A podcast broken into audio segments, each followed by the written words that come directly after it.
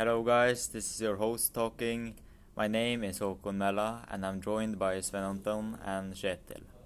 Today we're going to be discussing the movie Life of Pi. First off, what do you think about the movie?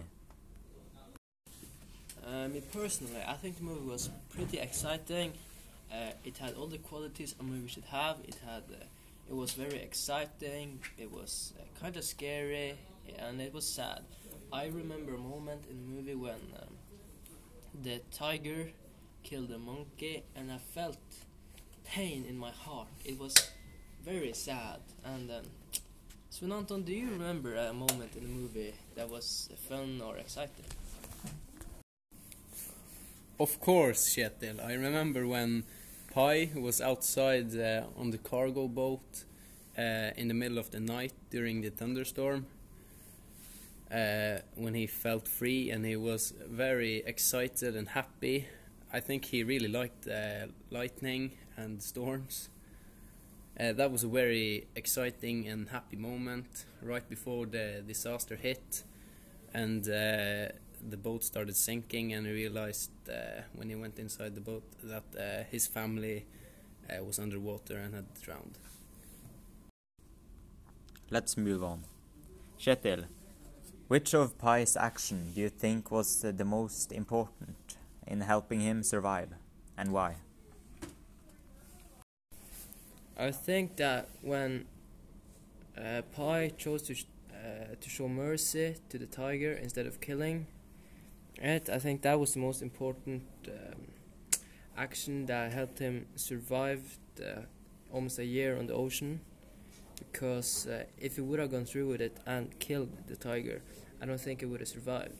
Because uh, I think the tiger was uh, a great company for him and I think that uh, because the tiger was there, he didn't go mad. Uh, yeah, yeah, yeah. Sven Anton, what are your thoughts about this? I think the most important moment in helping Pi survive was uh, when he found uh, the mystery island and uh, when he decided to leave it because all uh, the plants uh, and uh, the food on the island and the water became toxic and if he didn't leave he would have died there. While we're at it, I think the most important moment was when he accidentally left with the boat alone. He would not have survived for 200 days when sharing the food. Moving on. Sven Anton, why do you think Pi says uh, Richard Parker saved his life? Uh, I think Pi said the tiger Richard Parker saved his life uh, because the tiger kept Pi alerted at all times and uh, also helped him catch food uh, by catching fish. And uh, I think Pi uh, didn't give up because he had company in Richard. Kjetil, do you have something to add to this? Not really, but I have to say that uh, I agree with Anton, and uh, the tiger kept him with company and helped him catch food. Okay, very good, Kjetil, that you agree with me. Um, we can move on. I, now I actually have a question for you, Håkon. Uh, in the movie, uh, Pi told two stories. Uh, one with the animals and one where he said he lied uh, to uh, the men visiting him at the hospital. Uh, which story do you believe was the truth? I believe the story Pi told the interviewers was the real story, but his subconsciousness made uh, this unreal story come true in his mind.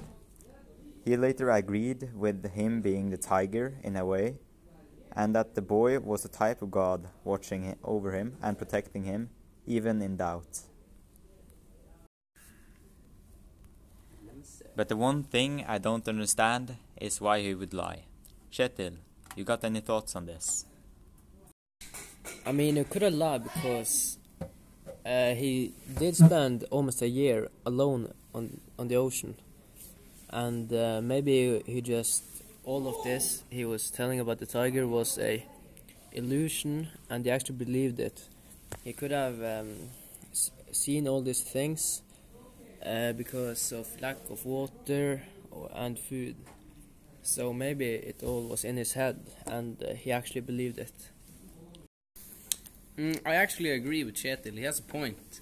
Because many people, uh, when they are alone for a longer period of time, And lack of food. yeah, and And lack of food and water. water, they can experience uh, seeing things, also called illusions. So I think uh, this story with the tiger and uh, all the animals maybe it could have uh, been all illusions, and he actually believes it himself. Moving on, for the last question of the day. What was your favorite part of the movie? This might be an interesting one. Starting with Sven. I enjoyed most of the movie.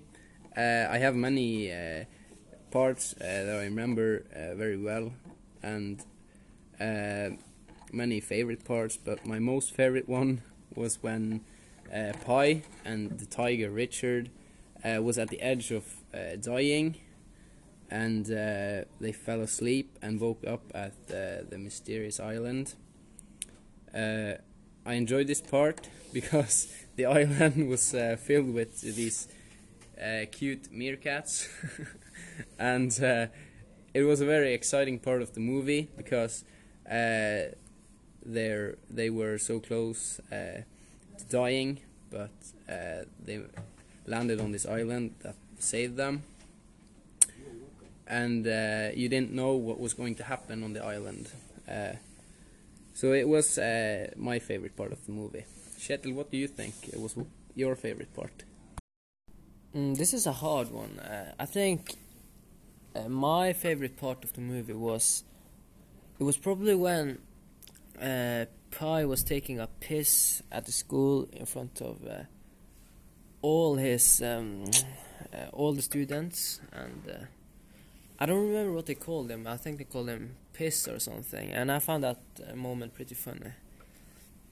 Uh, but my yeah, that was my favorite part of the movie.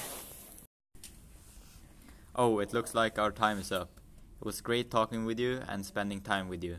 And I wish you a good night. Yeah, Bye. same Håkon. Goodbye, goodbye. Yeah, have a good one. Goodbye. Have a dream night. Good night.